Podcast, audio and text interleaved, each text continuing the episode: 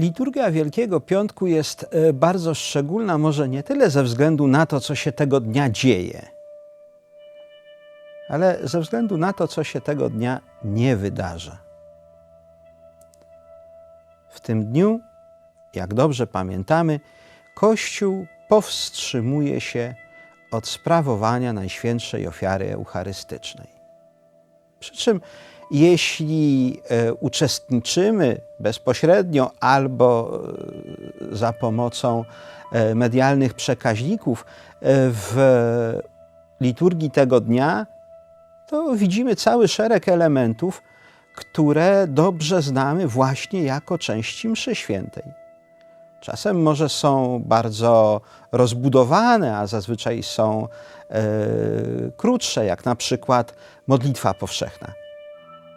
Zazwyczaj to są bardzo proste e, wezwania, e, odczytywane e, normalnie przez diakona, z jego braku przez inną osobę.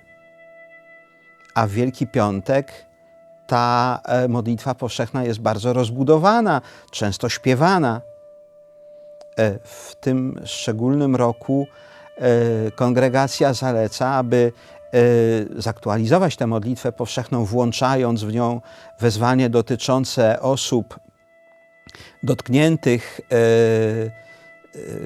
epidemią, bądź jeśli chodzi o ich zdrowie, bądź jeśli chodzi o ich troskę o najbliższych, w intencji osób zagubionych z tego powodu, zdezorientowanych życiowo. Ale to jest przecież ciągle ta sama modlitwa wiernych.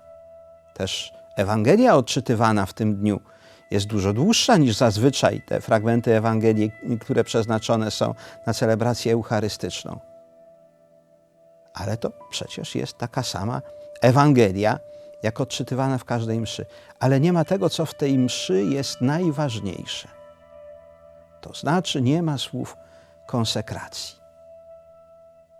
Dlaczego?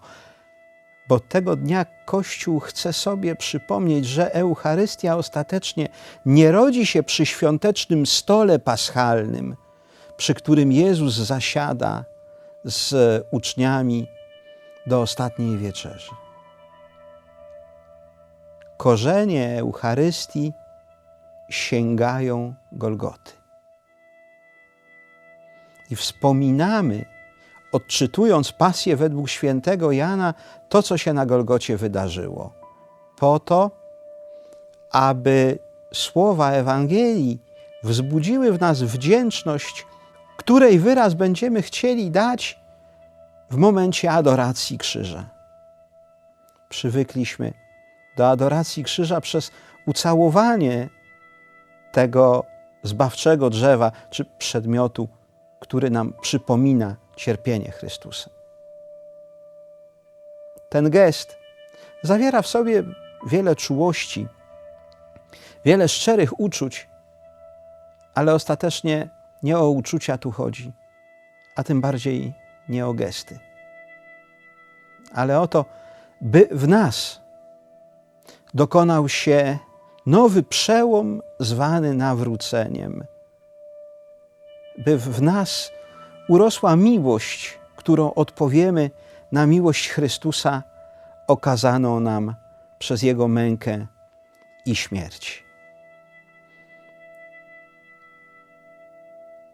W momencie przeznaczonym w tej liturgii na komunię świętą, mielibyśmy w zwyczajnych warunkach szansę otworzyć nasze serce i uczynić z niego świątynię, w której oddajemy cześć e, Chrystusowemu krzyżowi. Choć nie możemy komunii przyjąć w tym roku w sposób sakramentalny, to pamiętajmy, że kochać Chrystusa za Jego miłość wyrażoną przez krzyż możemy tak samo jak co roku.